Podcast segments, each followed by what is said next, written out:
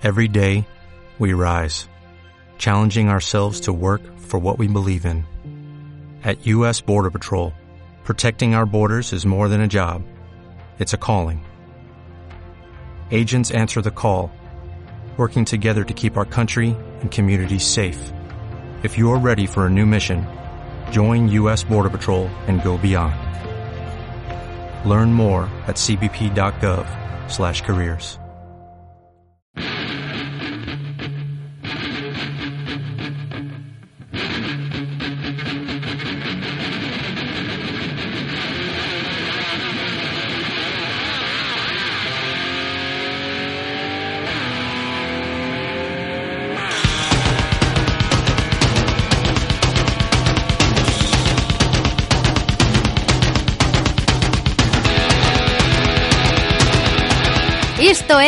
lives.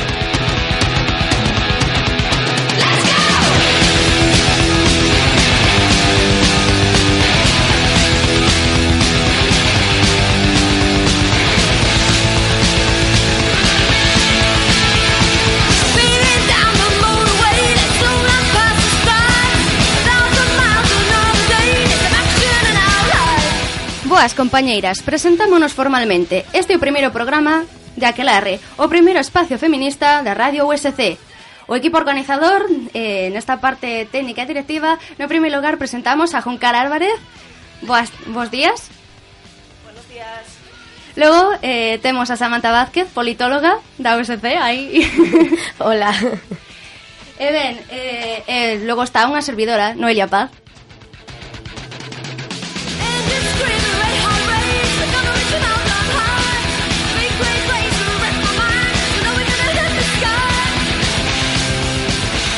programa vai dedicado a debatir cuestións decididas ao feminismo, neste caso, e con motivo da, da, da, sem, da folga da semana anterior, do 8M, estará dedicado a conciliación e folga.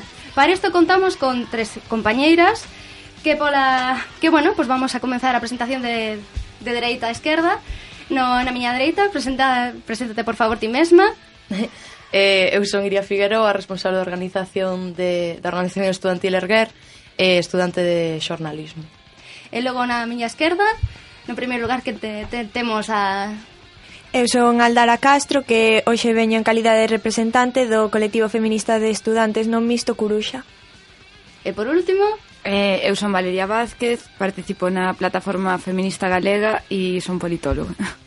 Bueno, presentando todo o colectivo, pois vamos a presentar o debate que está consta de catro temas Os tres principais van ser linguaxe e micromachismos, o segundo xénero e educación, o terceiro medios de comunicación e xénero e o cuarto, como xa dixemos, conciliación e folga. Comezamos.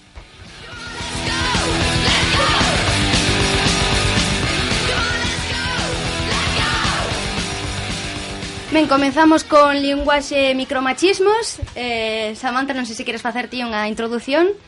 Eh, simplemente decir que estes temas que hoxe imos tratar foron escollidos de xeito participativo entre todas as convidadas. Eh, o primeiro tema, linguaxe e micromachismos, foi escollido principalmente por Erger, se non me equivoco. Eh, nada, tratamos un pouco de ver como se emprega a linguaxe no día a día, eh, como isto afecta as mulleres e como crea situacións efectivamente de micromachismos moita, moitas veces dependentes non, non só de linguaxe. Non sei a quen lle gustaría comezar a falar deste tema. Bueno, eu creo que falar de micromachismos é unha aposta así un pouco arriesgada. O machismo, aínda que teñamos interiorizado, asimilado e non o vexamos, non é unha cuestión menor, o sea, micromachismo, o machismo é machismo sempre, E, e so feito de que o teñamos interiorizado non fai que sexa unha cuestión máis pequena, sino todo o contrario, porque son os micromachismos que se chama, son o tipo de situacións que normalizan e perpetúan unha situación de, de opresión. A naide se lle ocurre falar de microracismos, por exemplo. O racismo é racismo sempre, e o, co machismo pasa exactamente o mesmo un tema moi interesante que non se toca como se debería o tema de, do racismo, que moitas veces a Manta comentou-mo, e eh, é verdad que non se toca todo o que se debería. Non sei se algunha de vos que... Eu penso que o que acaba de decir a compañeira Aldar está moi ben e é moi importante que eh, cando apareceu o termo, o termo micro, eh, machismos parece que o empezamos a usar moito sin tan sequera cuestionalo e o que hai detrás de ese, de, deses micromachismos en realidade é algo moi grande. O sea, e o propio linguaxe en sí mesmo é unha expresión na cal se refliten unhas relacións de poder entre home e muller, neste caso. Polo tanto, penso que temos que afondar aí e que o que acaba de decir ele está moi ben como unha introdución e para seguir falando.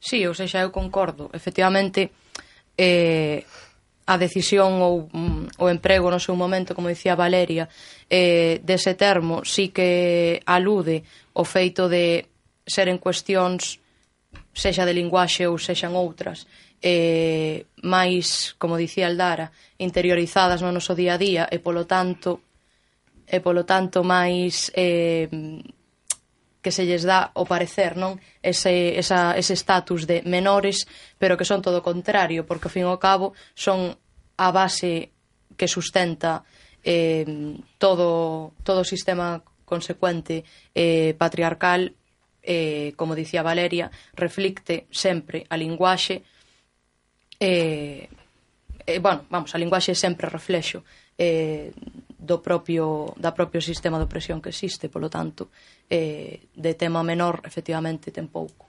Uh-huh. Este comentario no fixenos Iria de Erguer.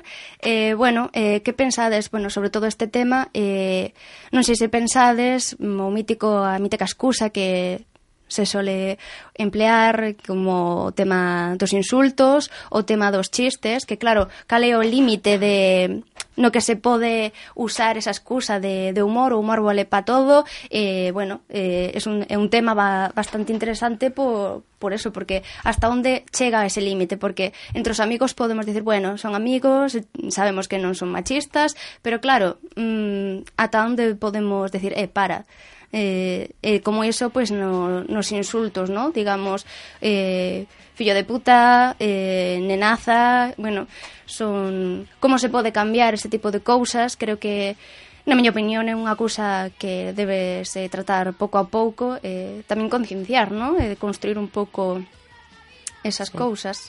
Eu penso, eh, facendo alusión ao que ti falabas agora de, do humor, de que límite hai, eu penso que ten que haber todos os límites non se debe plantexar se si ten que haber un límite ou non, simplemente hai un límite, é evidente. Non penso que se debe facer diferencia entre unha situación con colegas ou sin colegas. Penso que ningunha situación debe ser válida para empregar a linguaxe de forma eh, machista, neste caso, ou de ningunha outra forma discriminatoria en xeral. Pero precisamente moitas veces parece que sí que hai eh, um, como unha discriminación, no, cara a nós, unha segunda discriminación, no xeito de que eh, ao mellor sí que plantexar un, un comentario machista, un chiste, ou perdón, racista, un chiste eh, racista, eh, che fai mm, ao mellor poñer os límites eh, nun punto no que non porías os do chiste machista. Como que o segundo está máis permitido. É como, bueno, non é para tanto. Pero en realidade é tan tremendo como facer un chiste racista eh, fora de lugar ou facer un chiste de ao mellor de humor negro. A moita xente lle gusta o humor negro, a moita non. Eh, a xente que fai humor negro ten cuidado con iso. Por que non os que fan humor machista? eu penso que non debe haber o límite debe estar sempre marcado e debe ser o respeto. Sobre todo son os homes os que se mofan máis do humor máis machista entre os colegas de decir, bueno, entre nós pois non pasa nada e logo pois non. Tío Samantha como que opinión, o sea, como erradicarías este estas cousas? Bueno, eu sou moi radical nese tema.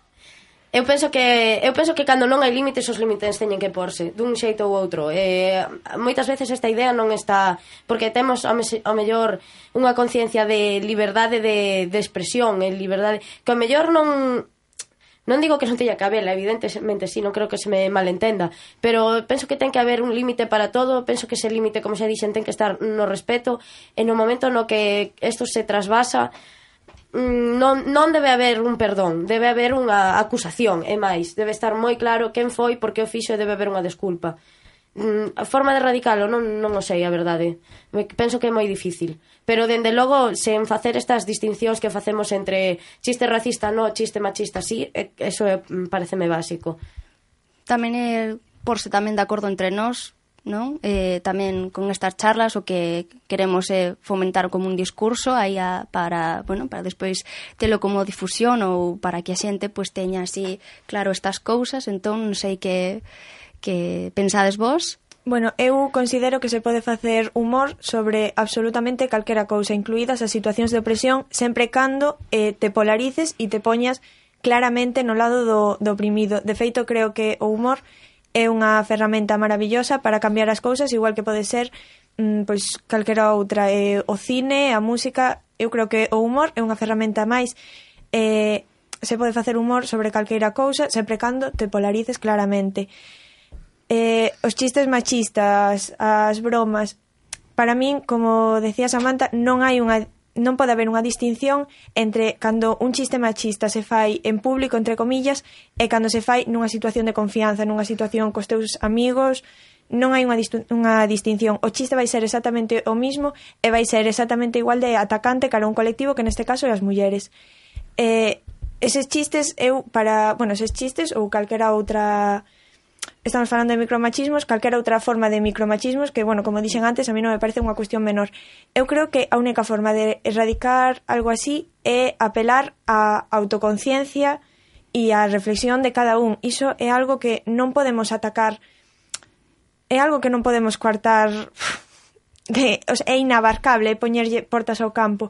Eu a única forma que vexo é apelar á autoconciencia, á educación cos nenos dende moi pequenos, que é un tema que vamos tratar despois, e iso fundamentalmente a automoderación e a reflexión de cada un. O sea, o xa, ti estás en contra do discurso feminista máis violento, digamos, de digamos como ese discurso de como moito máis violentando as homes de ti faz isto, ti non sei que, non sei se No, o sea, realmente hai que atacar ese tipo este tipo de este tipo de discursos machistas, hai nos que atacar hai, e hai nos que, o sea, hai nos que cortar de raíz, pero hai realmente unha forma eficaz de facelo que non sexa a educación ou que non sexa a concienciación, a empatía incluso. Eu creo que non hai unha forma de cortar iso eh, que non sexa dende a base. Ou seja, que Aldara eh, ti apelas a, a formar na, ya, xa na, na propia educación sí. dende nenos e xa nos, ma, nos máis maiores pois tamén a, cha, a chamada da auto... Sí, a autorreflexión e, bueno, tamén ten que haber un traballo de, de educación, o sea, que un traballo de educación que dure toda a vida, a estrutura patriarcal que temos vai, o sea, vai conlevar moitísimo traballo desmontala. Entonces eu creo que, bueno, tanto traballar dende a base cos nenos pequenos como, bueno, un traballo que tería que durar toda a vida, a autorreflexión e tamén que cada persoa individualmente se interese e se forme e, bueno, eso, é eh, mirarse a sí mesmo e dicir isto está ben, isto non está ben, isto quero perpetuar esta situación ou non quero, que é realmente o que facemos co cando aceptamos os micromachismos, decidir perpetuar unha situación de bueno, de dependencia, de opresión. A cuestión en que deixo no aire antes de dar paso a Valeria que ten unha cousa que decir é se realmente hai un interés po colet mm, dende o colectivo masculino por ese interés ou se realmente é o sea, eh, dase de conta de todo o que, bueno, destes micromachismos, porque eu penso que en parte non, non hai unha profundización que dicen, bueno, está aí, pero non, non traballo nelo. Bueno, dinos, vale, ya que teñas aí que decirnos. Eu sí que coincido eh, ca compañeira Aldar na parte de que tanto educación como autoconciencia son necesarios, pero educación e autoconciencia están dentro de un sistema en sí mesmo. Entendo que eso non se pode mudar de por sí, senón que agocha detrás moitas cousas.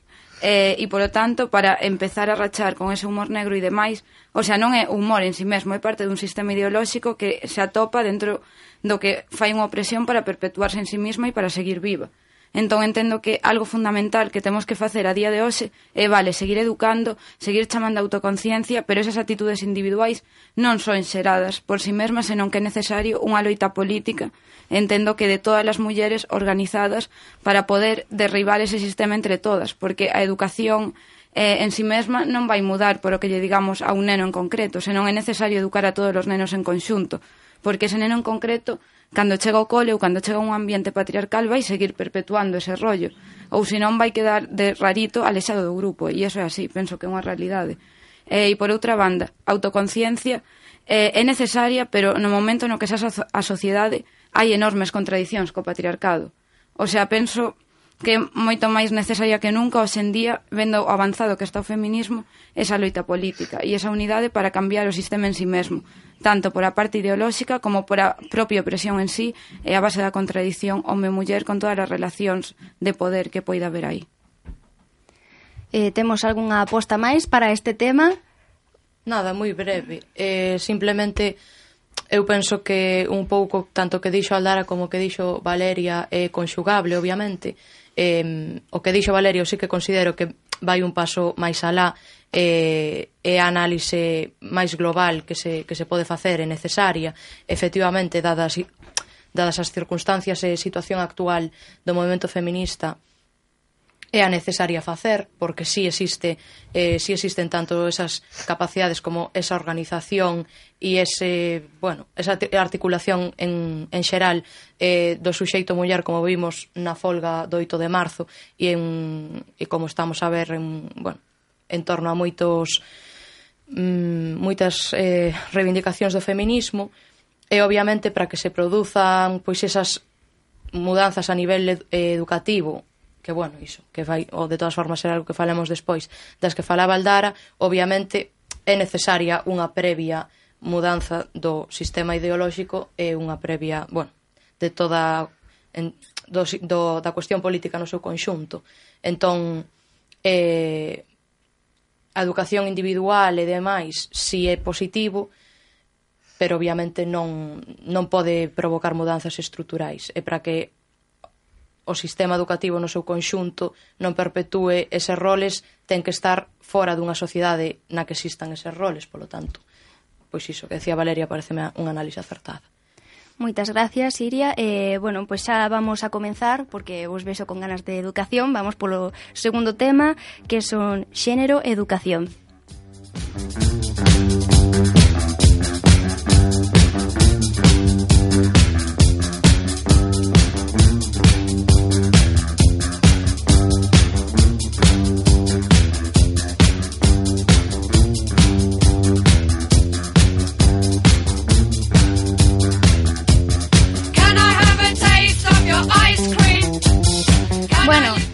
continuando co tema que xa introducimos, Samantha, eh, fainos unha pequena así Bueno, está claro que o corpo está pedindo logo de linguaxe micromachismos, está pedindo falar de educación. Bueno, eu a verdade é que cando pensamos este tema eh, o propuxo máis como unha cuestión de valorar como está afectando hoxe en día a educación a toda aquela persoa que non se sinte do seu xénero, por exemplo, ou que se sinte afastada dos cánones patriarcales do xénero. Non, iba un pouco máis enfocado dende aí, pero vendo tamén como está eh, sucedéndose este debate, mellor tamén sería interesante enfocalo dende o punto de vista de como se pode cambiar a educación para que realmente sexa unha educación baseada no, no xénero e na igualdade, evidentemente. Eh, non sei se algunha de vos ten interese por comezar, dar algunha perspectiva. Estamos todos de acordo, entón. Samantha, ti que estás máis posta neste tema e tes bastante fundamentación neste tema, non sei, empeza ti por, por dar así un pouco de enfoque no tema. Bueno, pois está claro, como comentábamos antes, que evidentemente nun sistema totalmente patriarcal, no que a muller está totalmente condicionada dende o seu nacemento, eh, é evidente que mm, plantexar un cambio educativo non é fácil. Eh, de feito, mm, espero que non me fagades neste caso a pregunta trampa de como facer un cambio educativo porque creo que é algo eh, mm, imposible, como decía antes eh, Aldara, eh, imposible de abarcar. Eh, sí que é certo que fai falta un cambio, é certo que as mulleres nacemos, eu penso, condicionadas e que a educación dende os primeiros anos de vida nos acaba de condicionar. Non sei se o mellor sería interesante contar que sempre me plantexo anécdotas, no? A veces veñen má mente anécdotas totalmente machistas de cando éramos pequenas, que mellor solo te das conta cando ti veche é, é realmente unha entrada na túa, na túa vida feminista e comezache un pouco a seguir o movimento e a informarte e entón cando te das conta de, de, da repercusión que tiveron feitos que che pasaron na túa infancia moi relacionados con isto e que non eras capaz de, de percibir non sei se a vos vos pasou algunha vez eu, por exemplo, sí. un, un exemplo para ir abrindo debate Cando éramos pequenos no cole e pequenas, eh, a profesora de inglés a vos non vos falaba do policeman porque eu nunca escuitei a palabra police woman e tampouco a de police. Non sei se vos tivestes algunha experiencia tan eu como, extraña como eu como esta das experiencia que despois analizando pois pues, cada vez introduciéndose máis nestes tipo de temas, pois pues, claro, logo miras co paso do tempo, así na actualidade, e non sei se vos os pasou na, no, no cole, que cando estás en sexto e as chavales pois empezamos a ter a regla, pois os chavales pois mirante como se fueses unha plaga e incluso chegaban a facer bullying as chavales, entonces como que incluso entre nós decíamos, "No, no, eu non teño a regla, pero sí que a tiñas." E ocultábalo ou decías, "No, no, no, no." E os chavales decían, ah, no, esa ten, ten a regla, mellor non a tocamos, non vayas en... El... O sea, ese tipo de cousas que agora dis, miña, mima, pero que parvadas, ¿no? Non hai concienciación para os chavales, tenlle as, o sea, ten os, os, os homes incluso ten repudio as todo o que son os conceptos de a muller. Acórdome cando viñan os, os míticas mulleres para facer clases de educación sexual, viñan coas compresas, os homes facían así con asco aí tocando aí. Entón, pois pues, non sei, sí que hai como un rechazo, un, o sea, un hai sí, resitamento todo que ten relación coa muller, sobre todo aos temas de referidos á menstruación, eh, pues, ropa femenina non tanto, pero todo cuestión de relación íntima, pois non, pero pero e creo que é, que é importante ter un, os homes tamén un coñecemento sobre evidentemente. Que opinades vos, chicas? Algúnha experiencia que querades resaltar?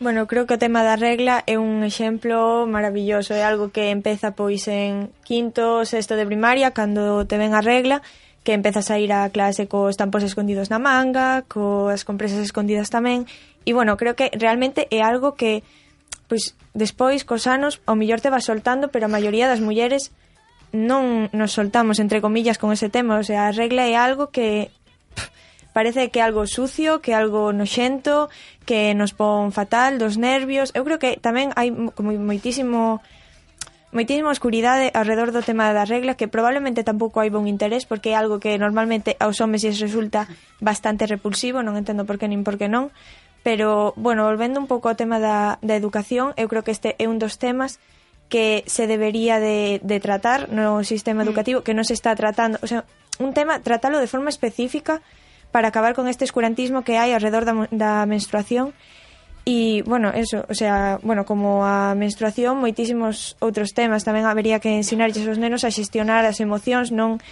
nunca se lles, neste sistema educativo nunca se lles ensina a xestionar as emocións. As nenas, si choran, bueno, algo lle pasaría. Se si un neno está chorando, pois é unha nenaza que volvemos ao tema dos micromachismos. Exacto, entonces sí. bueno, creo que habería que é evidente que a educación, como decían antes as miñas compañeiras, para que haiba un cambio na educación, ten que haber un cambio na sociedade, ten que ser un cambio estrutural, pero tamén creo moito no poder da, da educación en empezar un cambio na educación que é un cambio que despois se podería exportar á sociedade. É algo que é unha teoría, non non podo coñecer os seus posibles ou eventuais resultados na práctica, pero eu creo firmemente nun cambio social a través da educación e como todo, gracias eh, al Dara, eh, como todo eh, eh, nesta vida hai que probar, eh, e, bueno, probar novas alternativas, e eh, sobre todo co tema de educación, estou de acordo contigo co tema de que nas escolas teñen un gran poder, eh, sobre todo mm, incluso nós mesmas a hora de formar as nosas fillas, a primas ou amigas de falar, no, incluso non de eso, de mm, da sexualidade, eh, masturbación, eh, porno, eh, as mulleres é como un tema tabú eh, que non podemos facelo se non somos unhas guarras.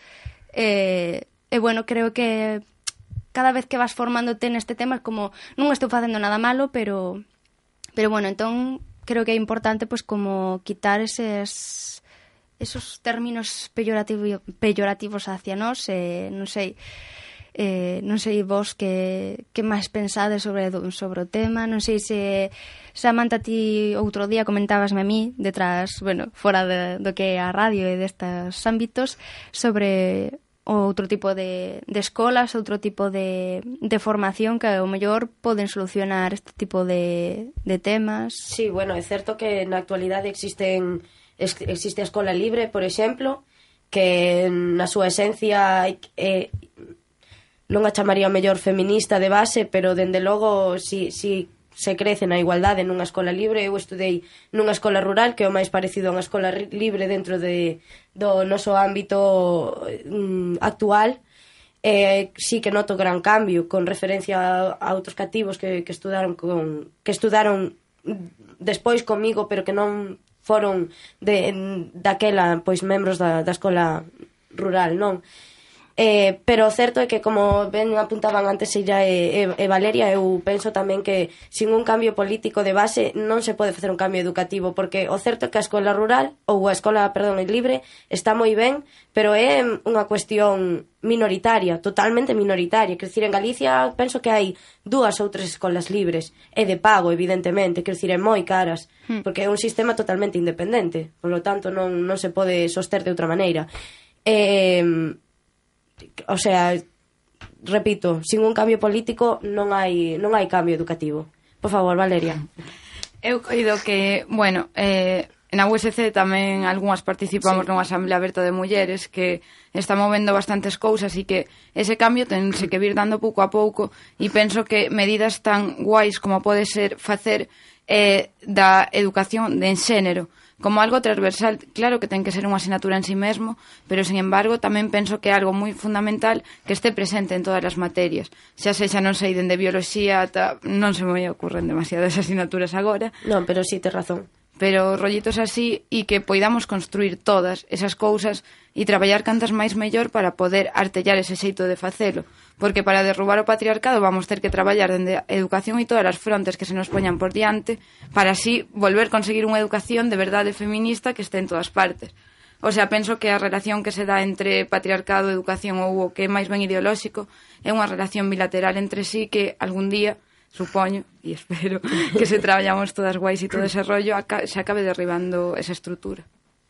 Entón, eh, como así concluindo, digamos, estamos máis ou menos todas de acordo de que ten que haber un, un digamos, un discurso igualitario, digamos, bueno, igualitario, que estemos todos máis ou menos directamente. Da, o sea, pero que estemos todas as mulleres máis ou menos de acordo para apostar por ele, loitar por todas xuntas, porque se un, unhas van por un lado e outros por outro, pois pues, non se fai nada. E logo, pois, pues, o cambio político. Claro, tamén, por unha parte, está depende de nós, pero tamén pois é importante. Tedes algunha idea de como pode ser ese cambio? Tocouche, Iria. pois mm, mi madriña, vaya pelota, me deixaste no tellado. Eh, a ver, eh, un pouco recollendo aí o testigo do que dicía Valeria, eh, esa loita política e esa, bueno, ese cambio social do que falamos e tal, eh, lóxicamente se ten que dar desde múltiples frontes, non? Falábamos agora mesmo do, da educación e, e do ensino e demais, pero en xeral, desde todas as frontes que poidamos abordar como, como mulleres, penso que temos que, que, que tratala, non? Eh, penso que nese sentido a folga do pasado 8 de marzo, da que falaremos despois, eh, foi un grande avance polo feito de abordarse desde múltiples eh, perspectivas, é dicir, non só com, como folga laboral, estudantil, eh, de cuidados e de consumo, non? Que se formulaba, eh, penso que ese é un pouco o foco tal como, tal como se pon. E recollendo tamén a, o comentario aí de, de Valeria da asistencia desa Asamblea Aberta de, de Mulleres da, eh, aquí en Compostela, da que, bueno, o ser tamén a nivel estudantil, pois tamén participamos varias compañeiras de Erguer dela.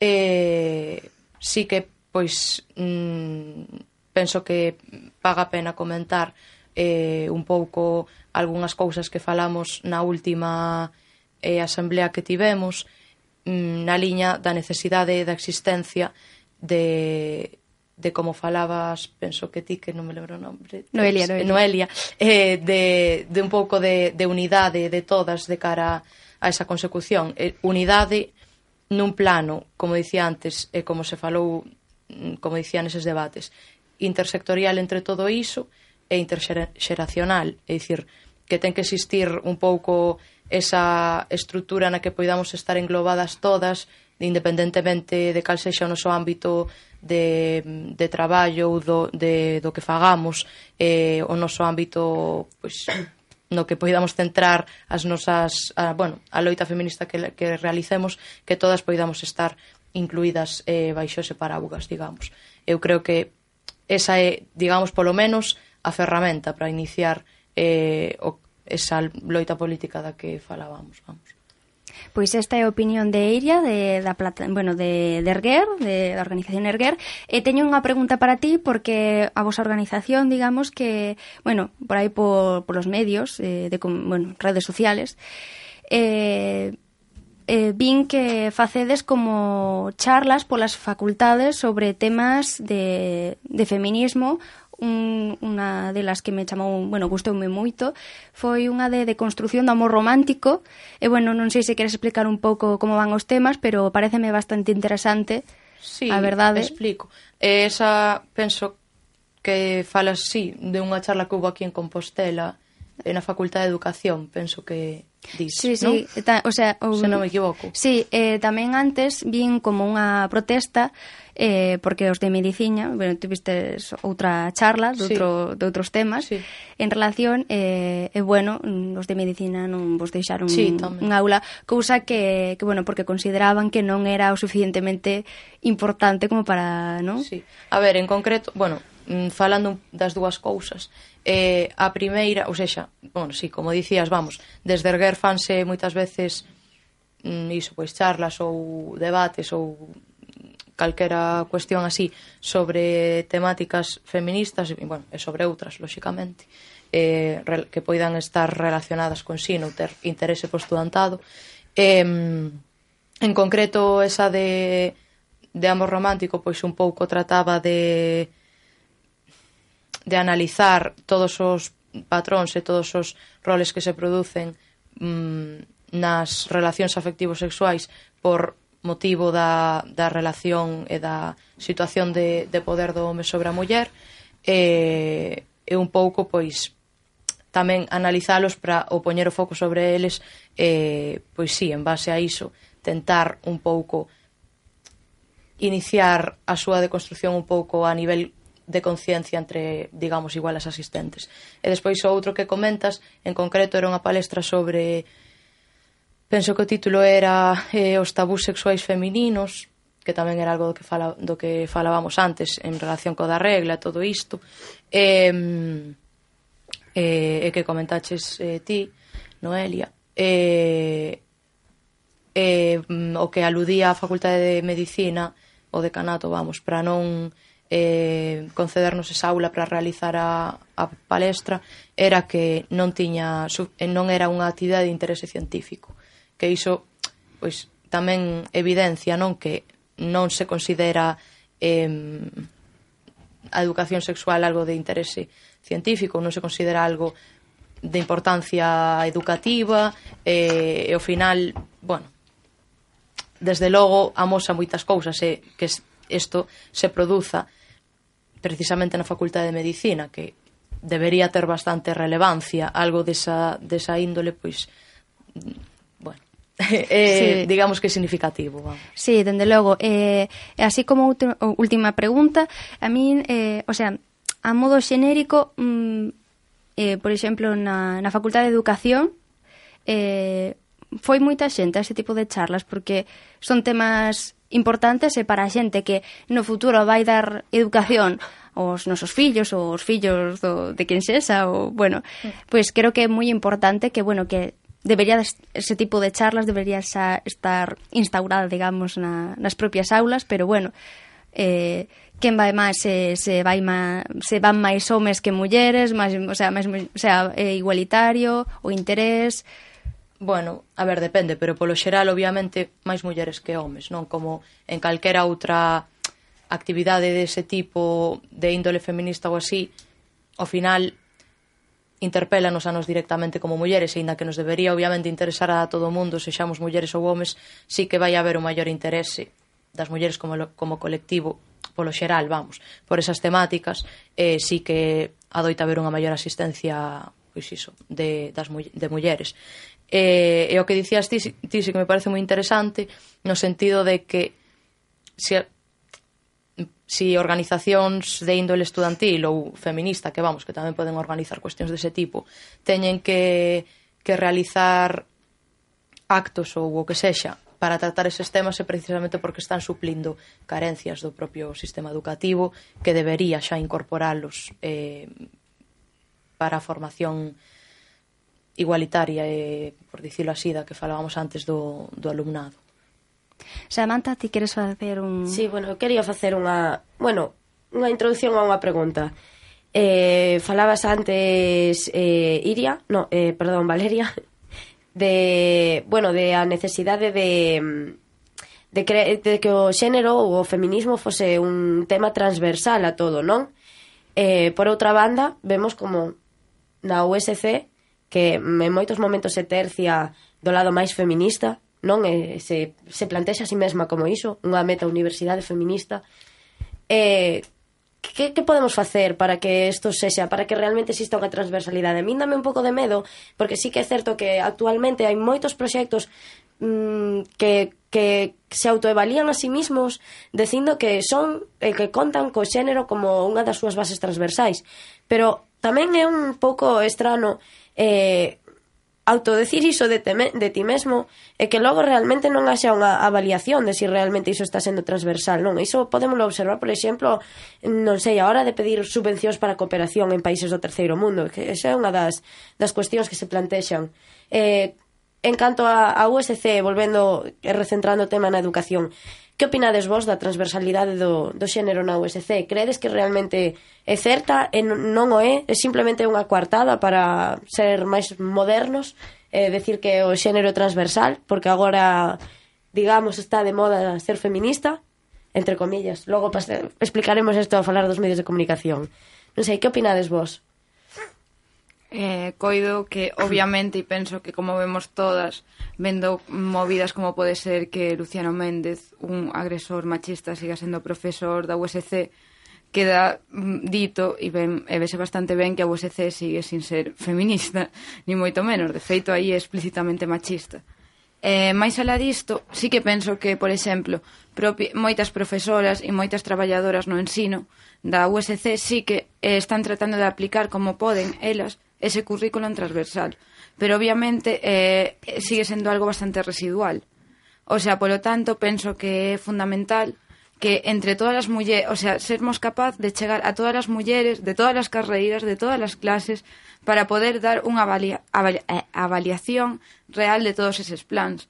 E un pouco na liña do que decía Iria, de eh, a necesidade tamén de ser interxeracional, porque obviamente sí. nós seguimos sendo estudantes e sabemos que hai profesoras cabas que podemos contar. Vímola no proceso de, la, eh, da elaboración da folga, dende as propias asambleas aberta, abertas, asambleas de traballadoras da USC achegáronse a nós para traballar en conxunto.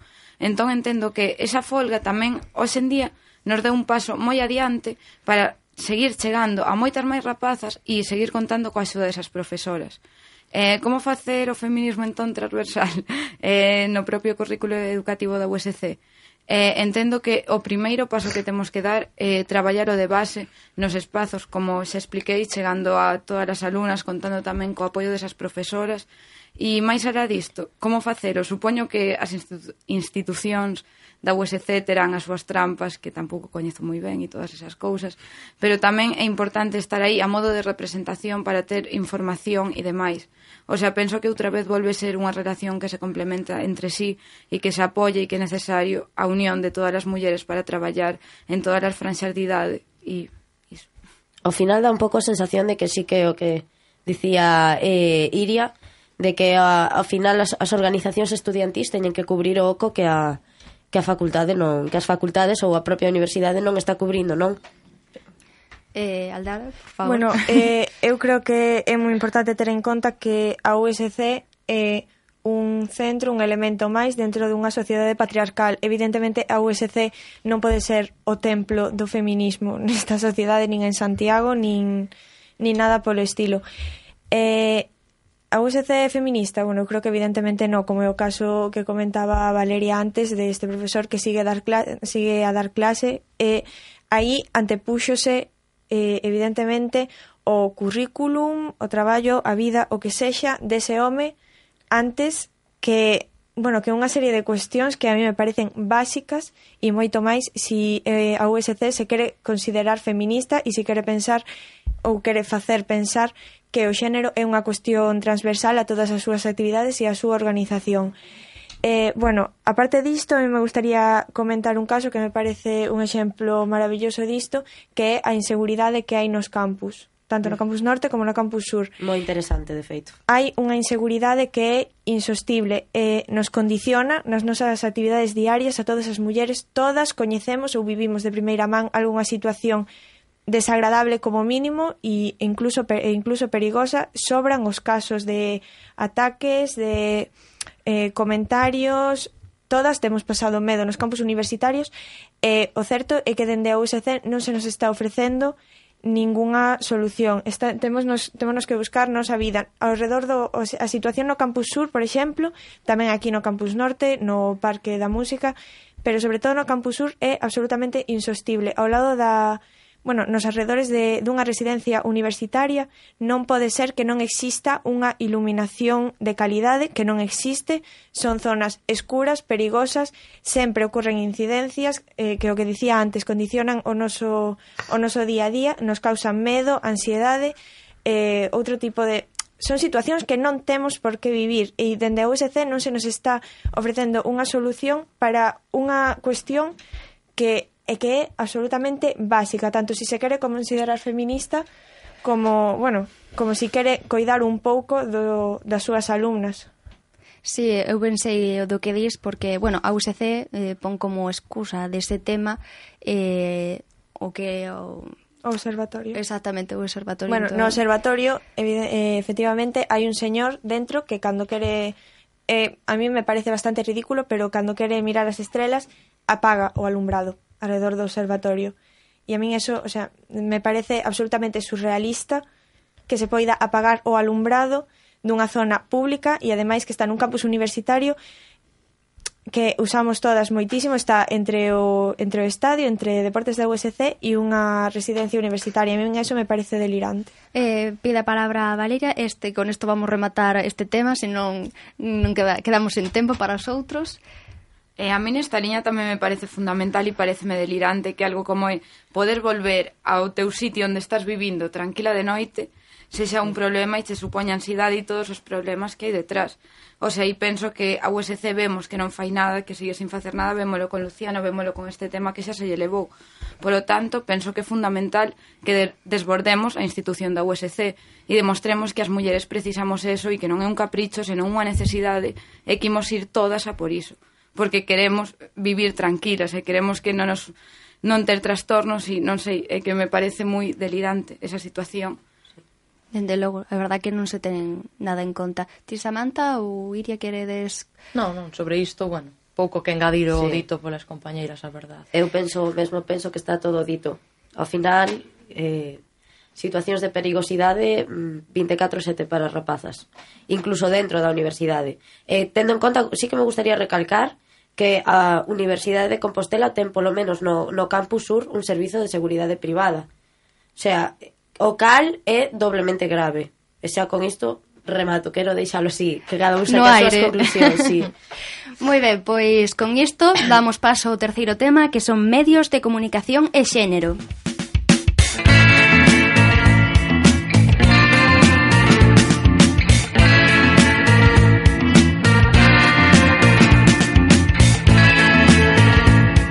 Samantha, coméntanos.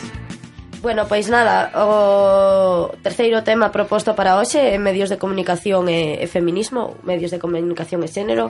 E ti como chamas?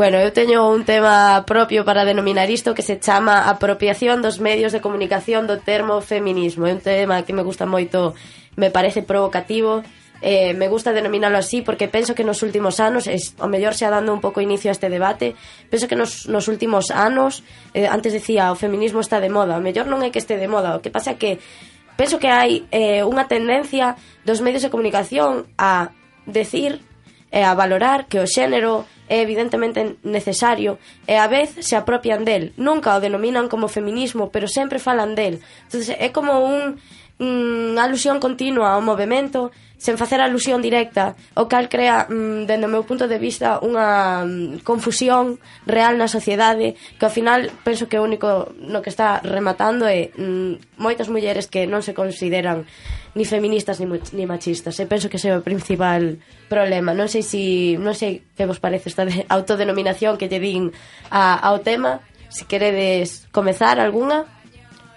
Bueno, eu creo que sí que hai como unha certa tendencia a falar do feminismo como se si fora un espectro que está, o sea, como o feminismo. É algo que está aí, pero tamén é certo, bueno, eu eh, creo no poder da comunicación para cambiar as cousas, eh, creo que eh, os medios de comunicación sí que tiveron un efecto que é constatable para mellorar cuestións de xénero. Si actualmente se tratan máis o feminismo nos medios de comunicación é porque é un reflexo da sociedade, é porque efectivamente cada vez se trata máis socialmente o feminismo. Eh, desta maneira os medios tratan esta cuestión e ao mesmo tempo lle devolven algo á sociedade, que é o caso da lei do, eh, do que foi en 2002 a lei integral eh, da violencia contra a violencia de xénero, que realmente poderíamos dicir que se aprobou gracias aos medios de comunicación porque as asociacións feministas e de mulleres se apoiaron nas cifras que daban os medios de comunicación de violencia de xénero, de asesinatos machistas para decir que os datos eh, oficiais que se estaban dando dende o Estado non eran os correctos, eran cifras moitísimo menores das reais. Entonces, bueno, isto creo que é un caso eh, físico constatable de como os medios poden actuar para cambiar as cousas. Eh, por outra parte, creo que, bueno, tampouco é eh, un camiño de rosas, hai que analizar si ben é certo que os contidos en materia de feminismo de xénero cada vez son maiores en nos medios de comunicación, hai que analizar non só os contidos, sino a forma en que se tratan. Hai que analizar moi a fondo como se presenta o feminismo a, a xente e hai que analizar tamén como se tratan eh, cuestións como pode ser asesinatos machistas, calquera tipo de violencia ou calquera tipo de, de cuestión de xénero. É o caso, por exemplo, das estadísticas. As estadísticas, as cifras, os números son deshumanizadoras, non nos dan unha sensación de proximidade. Os números realmente non son nada. Entonces, bueno, eu creo que é iso, o sea, hai que falar tanto de que se trata nos medios de comunicación e de como se trata. E por outra parte, creo que tamén é un punto moi moi relevante falar da voz pública das mulleres. Durante toda a historia se nos negou o dereito tanto a ter un discurso propio como a facer público este este discurso e eh, da mesma maneira se nos presupuxo sempre durante toda a historia da actualidade que este discurso tanto que, como dixen antes, non merece ser escoitado, como que non ten validez algunha. entonces eu creo que tamén eh, deberíamos eh, impulsar, pareceme unha cuestión básica e fundamental, impulsar que os discursos de distintas mulleres, eh, bueno, mulleres eh, inmigrantes, mulleres racializadas, non só blancas, porque tamén soe haber unha tendencia no feminismo, bueno, unha tendencia que eu detecto ao que se chama feminismo blanco, eh, iso, darlle voz a, este, a estas mulleres, bueno, a todas as mulleres, eh, darlles a oportunidade de crear o seu discurso e de facelo público eh, e mostrarlo a, bueno, tanto a outras mulleres como a homes. Grazas, Aldara. Eh, non sei se algunha de vos quere decir así, complementar o que dixo a compañeira. A ver, eu é que abri, a verdade é que abriu bastantes eh, temas ao mesmo tempo. Sí. Eh, entón, bueno, está bastante ben. Eh, eu creo que é bastante acertado o que dixo ao principio de todo de da alusión ao feminismo como un espectro, vamos, como ente abstracto, como porque ao final é o que xera, é xera certa abstracción sobre o que o feminismo é ao final como movimento, como mulleres en sí digamos, participando e traballando por iso eh, moitas veces o reduce a bueno, como se como é a tendencia, non, nos medios de comunicación, ao fin e ao cabo, eh, do sistema e grandes medios de comunicación en xeral eh, de reducilo a un, moitas veces a, a un asunto institucional ou a un declaración de, bueno, pois iso dunha muller da, da oposición, dunha muller do, do goberno e en moitos aspectos durante a difusión mediática da folga do 8M iso foi o que se fixo e se, se invisibilizou realmente que era o que pulaba por esa folga que era o que había, non? Que eran realmente as mulleres. Despois, no que di, no que dixo Aldara de que o feminismo si pode ter unha vía de entrada, un, unha non sei como dixo, pero vamos, unha opción, unha oportunidade de visibilizarse ou de, de chegar a través dos medios, eu creo que en parte certa, mm, pero eu collería un pouco con pinzas eh, por varias cuestións. O primeiro, que é algo que sí que eh, comentou un pouco, que é o feito de que o tratamento polo xeral que se fai da violencia machista nos medios de comunicación é moi deficitario, eh, é, é precisa dunha eh, revisión bastante grande, e por outra banda, porque eh, por algo que penso que ela mesma explicou, que o feito de que si se concede ou si aparece o feminismo con tanta relevancia nos medios de comunicación é precisamente porque está cadando esa unha relevancia na sociedade que é innegable, que non é posible tapar iso e non amosalo de algún xeito, non? Pero que polo mero, polo mero feito de como os medios de comunicación, grandes medios de comunicación, obviamente falo, eh, están configurados e eh, as, bueno, o que, o que perpetúan dentro do, do sistema, obviamente, non poden chegar a ser realmente un apoio ao feminismo que ao final é un cuestionamento do propio sistema eh, por completo. Entón, sí que obviamente sí que pode existir un apoio nos medios, como pode existir para calquera eh, momento transformador, sexa o que sexa, pero sempre eu creo que, bueno, ten que existir eses matices de que moitas veces eh, si, si existe esa visibilidade é eh, porque a nivel social é innegable, non? E coa folga do 8M foi o que vimos, eu creo. Eh, sobre o que dixo Aldara, máis que nada, iso. E iba a comentar outra cousa, pero Ahora xa non sei que era. A ver se se me lembro despois. Vale, eu completando que dixeches tanto Aldara como ti, Iria, eu quería lanzar a pregunta sobre como está representada en, bueno, nos diferentes ámbitos, nos medios de comunicación, sobre todo na televisión, as mulleres, porque podemos ver un discurso máis feminista no que, bueno, eh, está Pedroche, por exemplo, dicindo, bueno, pues en as campanadas vísteme como quero, e, bueno, este, pues un feminista, e, bueno, fago unha alusión a ese mensaxe, e, e tan ricamente. E outra xente que di, no, no, iso non é feminismo porque están explotando están explotando a ti como muller o teu corpo como un obxeto. entonces eh, tamén aí hai un debate tamén dentro dos medios de comunicación, porque claro, claro, claro eu creo que iso está ben no sentido no sentido do debate que formula que pon reba da mesa que creo que de for, que o viraliza bastante, de feito, ese exemplo sí. que acabas de poñer, eu creo que sí que sí. foi así, vamos, de feito. Hmm. Eh, A ver, obviamente o poñerse unha cuestión como feminismo no foco eh, de algo como dicía antes que é en base por iso o do cuarto poder e todo iso que é parte da base do propio sistema patriarcal e capitalista que son os medios de comunicación. Iso fai moitas veces que o mm, propio discurso feminista se vexa eu que sei, se vexa instrumentalizado ou se vexa nunha, nunha voráxine de, de sí, de ser usado polo propio polo propio discurso liberal de que existe, non? Iso ten a súa cara mala, obviamente, pero tamén ten a parte positiva, eu creo, de que o feito de que certas figuras eh, a pesar de, bueno, de obviamente non estaren por cambios sociais profundos, ni moito menos. Si amosarse próximas a certas posturas feministas, sí que se reflicte en, pois, en posiblemente chegar a un número de mulleres máis amplo ou a que iso a que o feminismo se visibilice como algo, eu que sei, máis posiblemente moito máis plural e que sí, sí ten ese factor de chegar a máis sociedade, es, a, bueno, a máis, vamos, a sectores máis amplos da sociedade. E o que dicías ti de de debates despois que se producen a través diso, eu creo que sí que é positivo, porque sí que bueno, independentemente de que teñan razón unhas cousas ou, bueno, uns ou outros, vamos.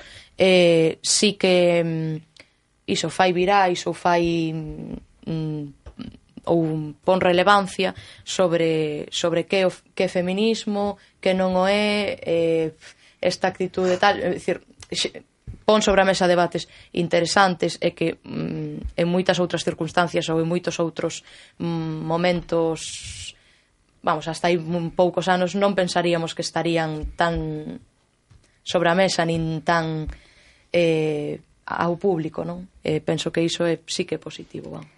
Vale, entón, en resumo, ti, a ti pareceche positiva toda esta, digamos, mm, bueno, refulca aí que se hmm. toma a partir deste de tipo de temas, como poxemos o tema da, da Pedroche como podemos poñer o do, do, do malo, que hai xente que di que é suposto feminismo, e bueno, e tantas outras cousas, non?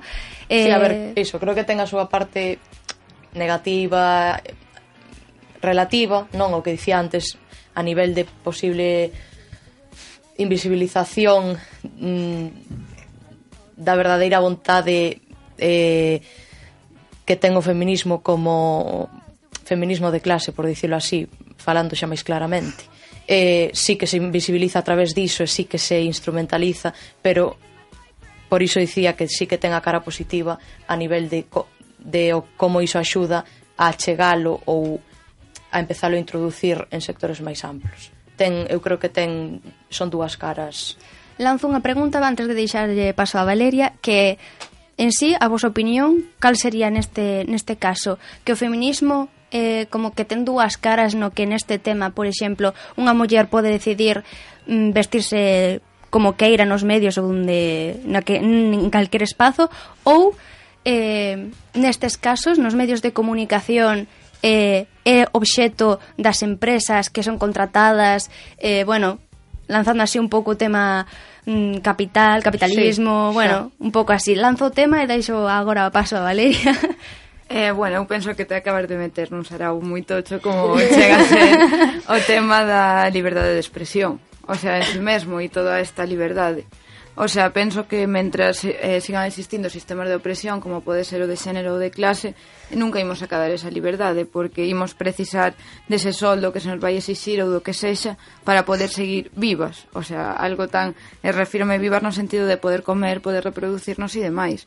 O sea, igual eh, non me estou posicionando ni moito menos, pero no momento no que Cristina Pedroche fai iso é un, por unha necesidade de acadar certa cota de mercado chegar a outro público, o sea, tampouco pero igual un análisis así un pouco máis en base a algo foi o que ia decir.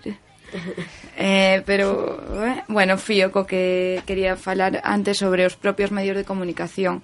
Eu penso que os propios medios respecto ao feminismo sí que Eh, podemos ver, bueno, estou con dúas comunicadoras, eh, sei moi pouco do tema, pero eh, sí que podemos ver unha evolución temporal. O sea, penso que non momento pasado, e refírome a, haberá uns dez anos ou algo así, o movimento feminista podía entender eh, os medios de comunicación como unha ferramenta únicamente para chegar ás masas e, sin embargo, a resposta dos medios de comunicación era pecharse en banda porque o feminismo seguía sendo un tema rarito, moi sectorial, moi non sei, algo moi eh, identitario e identificado. Eh, vale, hoxendía eh, o que vimos este 8 de marzo e xa se ven cocendo de moito máis atrás é eh, que o feminismo, e volvo usar a palabra pero penso que a que descri, eh, describe este momento histórico o desbordou todo eh, polo tanto, o noso papel ante os medios de comunicación eu penso é un pouco eh, no pé de todo o que dixo Iria eh, estamos levando algo moi tocho eh, como pode ser ou os medios de comunicación se quedan co feminismo e chegan a un feminismo de atitudes individuais e demais que en realidade e a pé de todo o que vimos falando hoxe non valen para cambiar nada ou o propio movimento social eh, esa organización política e demais é capaz de capitalizar ese mensaxe que se está lanzando dentro dos propios medios de comunicación. Entón, agora, eh, entendo, non podemos rexeitar eh, mensaxes como a da Pedroche e decir non eres feminista, non sei que, non sei cuánto, senón temos que ser quen de aproveitalo e achegar a todo ese refruxo ou lo malo ou o que eh, sexa. Temos que ser quen de achegar todas esas persoas ao propio movimento, para así ter cambios reais e non seguir no noso espacio de boa que feminista soy, eh, sé muchísimas cosas de non sei que, non sei cuánto, lo malo non é feminista por esto, o Pedroche non é feminista por esto. Temos que ser quen de aproveitar o momento histórico. Bueno, rapazas, estamos quedando sen tempo, así que deixo vos unha última tanda de se queres concluir un pouco o, os temas respectivos que se deron aquí. Eh, xa non nos queda tempo, Juncal, ou, que, ou xa despedimos o programa. Vale, pois, sen, bueno, pois quedamos en tempo. Eh, moitas gracias a, a todas que participastes. Eh, un placer, eh, gracias a todas as organizacións. Eh, Coruxa, sí. Erguer, mm. eh, plataforma, moitísimas gracias. Esperemos que podamos voltar de novo a falar de temas ainda máis comprometidos que a este. Eh, esperemos que vos gustase esta primeira introdución a este programa que larre. Moitas gracias e saúdo compatente.